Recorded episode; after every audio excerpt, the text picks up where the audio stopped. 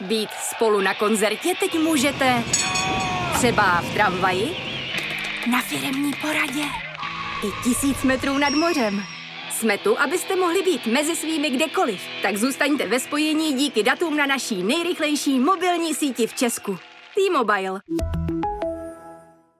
Tak teraz je asi najväčšia otázka, či nám na Slovensku budú vládnuť extrémisti a či dojde k absolútnemu rozvratu a od, odvratenia sa nejakých západných hodnot, alebo naopak budeme posilňovať naše ukotvenie v Európskej únii, v NATO a tak ďalej a tak ďalej, takže nejakú našu prozápadnú orientáciu. Aspoň toto je pre mňa taká rozhodujúca vec. No tak slovenská politika podľa mňa spie do veľkej zahuby, pretože ak podľa mňa, ak slovenskú politiku ovládnu liberáli, tak Slovensko bude vyzerať hrozně. Blížící se parlamentní volby na Slovensku reprezentují všechno, co se posledních pár let děje v celé Evropě. Nárůst populismu a pravicového extremismu nebo neskrývanou netoleranci vůči sexuálním i jiným menšinám a naopak boj za liberální hodnoty nastolené politikou prezidentky Zuzany Čaputové. A to vše na pozadí hrozivé vraždy mladého novináře Jána Kuciaka a jeho snoubenky Martiny Kušnírové, která před dvěma lety zmobilizovala část slovenské společnosti. Jak vypadaly poslední týdny kampaně? Vezmeme vás mezi Slováky v Praze na mítink pravicových extremistů do odříznutého slovenského pohraničí a vysvětlíme, jak spolu souvisí dort v parlamentu a násilí na ženách. To, co se děje doma, vám poví naši kolegové. S námi se podíváte ven, za hranice. Z Pražského Smíchova, kde sídlí seznam zprávy, vás zdraví Jolana Humpálová a Eva Soukeníková. Máme asi 10 minut na to, abychom rozebrali podle nás to nejzajímavější z aktuálního dění. Začíná pořad Checkpoint.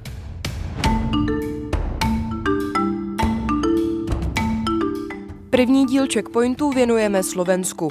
U našich sousedů se už v sobotu konají parlamentní volby a situace je opravdu zapeklitá. Tak třeba moratorium na předvolební průzkumy je na Slovensku nezvykle dlouhé, trvá dva týdny před volbami. Ale podle průzkumu, na který se složila tamní veřejnost, můžeme odhadovat, že pravděpodobně nevyhraje vládnoucí směr, kde se role volebního lídra ujal současný slovenský premiér Petr Pellegrini. Číslem jedna by se naopak mohl stát dlouholetý, možná už notorický opozičník Igor Matovič se stranou obyčejní lidé a nezávislé osobnosti. Obavy vyvolává extrémní pravice. Lidová strana Naše Slovensko, se skupená kolem fašisty Mariana Kotleby, by mohla získat přes 10% a skončit na třetím místě. Posledních pár dní na slovenské politické scéně bylo docela emotivních. Vláda chtěla na poslední chvíli prosadit 13. důchody nebo odmítnout istambulskou úmluvu o potírání násilí na ženách. Šestice opozičníků ale s mimořádnou schůzí nesouhlasila a na dva dny zablokovala řečnický pultík. Poslanci například přinesli dort, který měl symbolizovat politickou svatbu Fica a Kotleby. No a Robert Fico zase bojoval tak, že si pozval na jednání desítky důchodců. A předseda parlamentu Danko nechal přinést další pultíky, které už šestice nedokázala zabrat. A tak se vzdala. Hned na úvod mi dovolte veľmi jasne a rázne odsúdiť správanie opozičných poslancov, ktorí svojim divadlom urazili jeden zo štátotvorných symbolov Slovenskej republiky, ktorým je Národná rada. Svojím bezprízorným stanovým táborom, ktorý si zriadili priamo v rokovacej miestnosti pod štátnym znakom a okupovaním rokovacieho miesta odhalili pred celým národom, že nemajú rešpekt vlastnej štátnosti, reprezentovanej aj touto váženou inštitúciou. Evo, ty jsi mluvila se Slováky, kteří žijí jak tady v Česku, tak i jinde v zahraničí. Jak se na volby chystají? Je to tak, Jolo. Potkala jsem je na politické debatě, kterou pořádala jedna z kandidujících stran za lidi, tady v Praze na Smíchově. Pojďme si poslechnout, co pro ně víkendové volby znamenají. Napriek tomu, že se někteří zdržiaváme v zahraničí, pre mnohých z nás je to krátkodobá situácia alebo stredne dlhá, v horizonte 5-10 rokov sa veľmi veľa ľudí chce vrátiť na Slovensko, pretože tam, tam sme doma, tam máme korene, tam máme rodinu, kamarátov a každý vlastne hľadá cestu, ako to spraviť, aby to fungovalo, aby sme sa vrátiť mohli. Takže máme prirodzene aj záujem o spoločenské dianie a o to, kam ta krajina smeruje. Slováci v zahraničí se přitom stali sami tématem předvolební kampaně. V nahrávce, která pronikla na internet, ministrině vnitra za stranu Směr Denisa Saková prohlásila, že by neměli mít právo volit, protože neví, co se doma děje. Výroky vzbudily pozornost, zejména proto, že mnohým Slovákům v zahraničí nepřišly volební lístky. U našich sousedů totiž v parlamentních volbách, na rozdíl od České republiky, mohou lidé volit korespondenčně. Například slovenským rodákům v Austrálii nebo Spojených státech přišly lístky s velkým spožděním, anebo vůbec. Ti, kterým přišli se spožděním, si musí tučně připlatit za expresní doručení a ani tak není jisté, že jejich zásilka stihne dorazit do urny včas. Nicméně Slováci žijící v Praze to do volebních místností stihnou. Několika z nich jsem se ptala na debatě, kterou pořádala strana za lidi, kterou založil bývalý slovenský prezident Andrej Kiska loni v září. Jsme mladí, a keď žijeme tu v Prahe, tak nie je nám to jedno, čo sa deje na Slovensku a chceme aspoň tým, že pôjdeme voliť, chceme určitý spôsobom to nejako zmeniť. Víš, co třeba říkají na argument, že Slováci žijící v zahraničí nemají ponětí o domácím dění? Nie je to tak, ako si každý myslí, hej, že, že tí Slováci žijúci v zahraničí nevedia o tom, čo sa na Slovensku deje a aké trápia problémy Slovensko, pretože sa stretávam s množstvom Slovákov tu v Prahe, celkovo v Čechách, bol som aj v Rakúsku a tak ďalej. Aj v Nemecku som sa stretol so Slovákmi. Všetci vedia, aké problémy Slovensko má a každý chce nejako prispieť, ale momentálne tá situácia nie je taká, aby oni sa vedeli vrátiť, či už je to z pracovných dôvodov, či už je to z nejakých rodinných dôvodov a tak ďalej.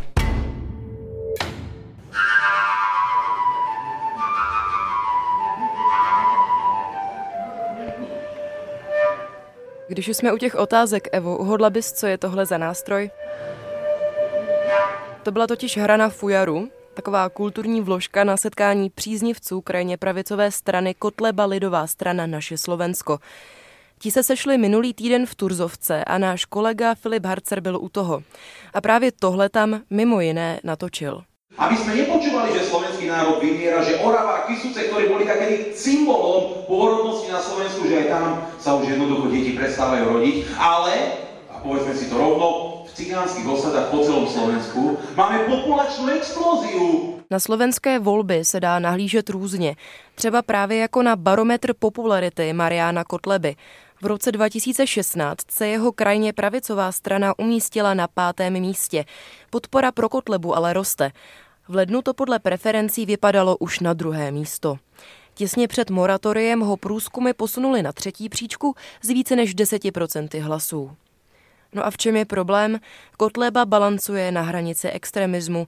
Ještě před pár lety nosil uniformy a zdravil své souputníky na stráž, tedy pozdravem z dob fašistického slovenského štátu.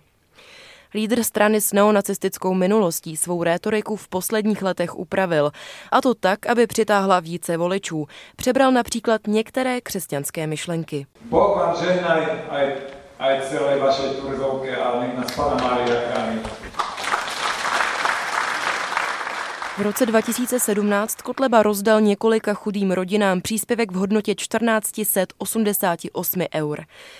Číslice 14 a 88 je přitom možné v extremistické symbolice chápat i jako odkazy na neonacistický slogan známý jako 14 slov.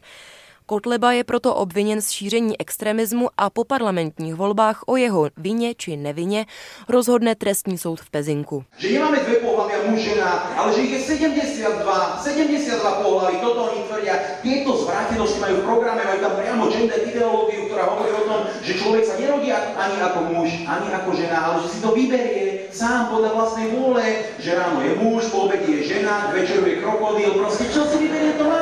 Kotleba ale není ve straně jediný, kdo má problémy se zákonem. Poslanec lidové strany Milan Mazurek, kterého jste právě slyšeli, je zase usvědčený xenofob. Soud tak rozhodl kvůli jeho výrokům vůči Romům. Menšiny byly ostatně na setkání v Turzovce výrazným tématem. Kromě těch etnických se příznivci strany obávají zejména menšin sexuálních. Nevím si představ, že by mi tu běhali nějaký, nějaký tam nejaké lesby, čo sa tu budú obliekať ako psi, alebo že mi tu budú migranti popod nos. Sexuální menšiny ale rozhodně nedráždí jen kotlebovce. Velkým tématem se možná trochu nečekaně stala Istanbulská úmluva, tedy smlouva, kterou jako první ratifikovalo Turecko už v roce 2012, ale na Slovensku se k tomu parlament pořád nedokázal rozhoupat. Istanbulská úmluva má za úkol prevenci násilí vůči ženám. Některým slovenským poslancům ale vadí, že v ní není jasně uvedeno, kdo je muž a kdo je žena. Podle nich tak vykládá manželství jinak než jako svazek muže a ženy.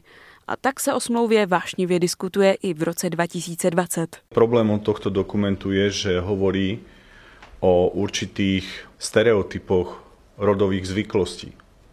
Možno na vysvetlenie, autory tohto dokumentu hovoria, že považujú za stereotyp to, čo my v týchto zemepisných šírkach považujeme za prirodzené, a to je rozlišování muža a ženy. Tak argumentuje například jedna z hlavních tváří této protiistambulské lobby, Andrej Danko, aktuální předseda parlamentu. Kandiduje za slovenskou národní stranu a taky bude mít podle průzkumů velký problém se zpátky do sněmovny dostat. A gender je velké zlo a velká nespravodlivost. Ak se za to skryjú, nezaslouží si jiný názov jako podlí ľudia. Tak to hovorím. K němu se ale připojil i vlivný římskokatolický kněz Maroš Kufa nebo zmiňovaný Marian Kotleba. V Bratislavě před pár dny pořádali hromadnou modlitbu za nepřijetí istambulské úmluvy. Katolická církev pořádala po celém Slovensku semináře i mše. Politici ze Slovenské národní strany tvrdí, že kvůli úmluvě se zakážou tradice, jako je velikonoční pomláska. V textu opravdu zaznívá kritika určitých kulturních zvyklostí, například ženské obřízky. Ta má ovšem k českým nebo slovenským tradicím dost daleko. Z ratifikace nebo smetení celé úmluvy ze stolu se tak nečekaně stalo předvolební téma. Podle slovenských komentátorů jí politici jako Andrej Danko vydávají za strašáka, který reálně neexistuje. Toho strašáka ale několik týdnů před volbami řešili i nejvyšší ústavní činitelé. Je třeba ještě zmínit, že vliv na slovenskou politickou scénu měla i vražda novináře Jána Kuciaka a jeho snoubenky Martiny Kušnírové. Minulý pátek od zločinu uplynuly dva roky. V souvislosti se smrtí dvou mladých lidí je obžalováno pět osob, mezi nimi i vlivný podnikatel Marian Kočner. Právě o něj a jeho podnikání se Kuciak jako novinář zajímal. Kočner mu kvůli tomu několik měsíců před vraždou vyhrožoval. Můžete si být jistý, že začnem se vám, vám osobně se začnem pán Kuciak speciálně věnovat. A to je vražka? Váš, nie, nie, prečo? Ešte no neviem, prečo to, to hovoríte. No lebo, lebo vám to hovorím, pokojne vám to hovorím, začnem sa venovať špeciálne. Vám, vašej osobe, vašej matke, vašmu osobi a vašim súrodencom. A proč je kauza důležitá pro slovenskou politiku? Kočner je známý pro své úzké vazby na dnes už bývalého premiéra Roberta Fica. Předseda vládní strany Směr odstoupil z funkce několik týdnů po vraždě kvůli celostátním demonstracím, největším od roku 1989.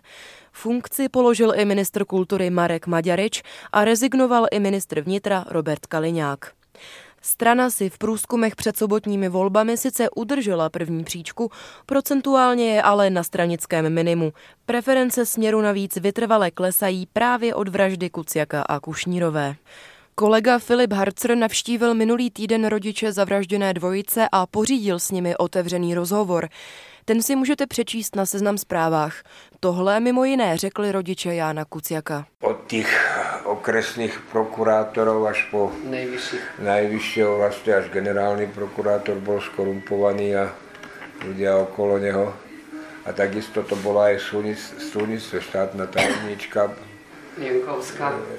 Jankovská, viacerí sudcovia okresných a krajských súdov robili služby pre tých ľudí typu Kočner, takže jako sa tomu dá dôverovať. Volby Slovensko čekají v sobotu. Ukáže se, jakou podporu mají v zemi extremistické skupiny a jestli se náš východní soused přikloní spíš k liberální politice prezidentky Zuzany Čaputové, anebo zda půjde cestou Maďarska a Polska. Byl první checkpoint a s novým tématem týdne se uslyšíme zase příště. Loučí se s vámi Jolana a Eva.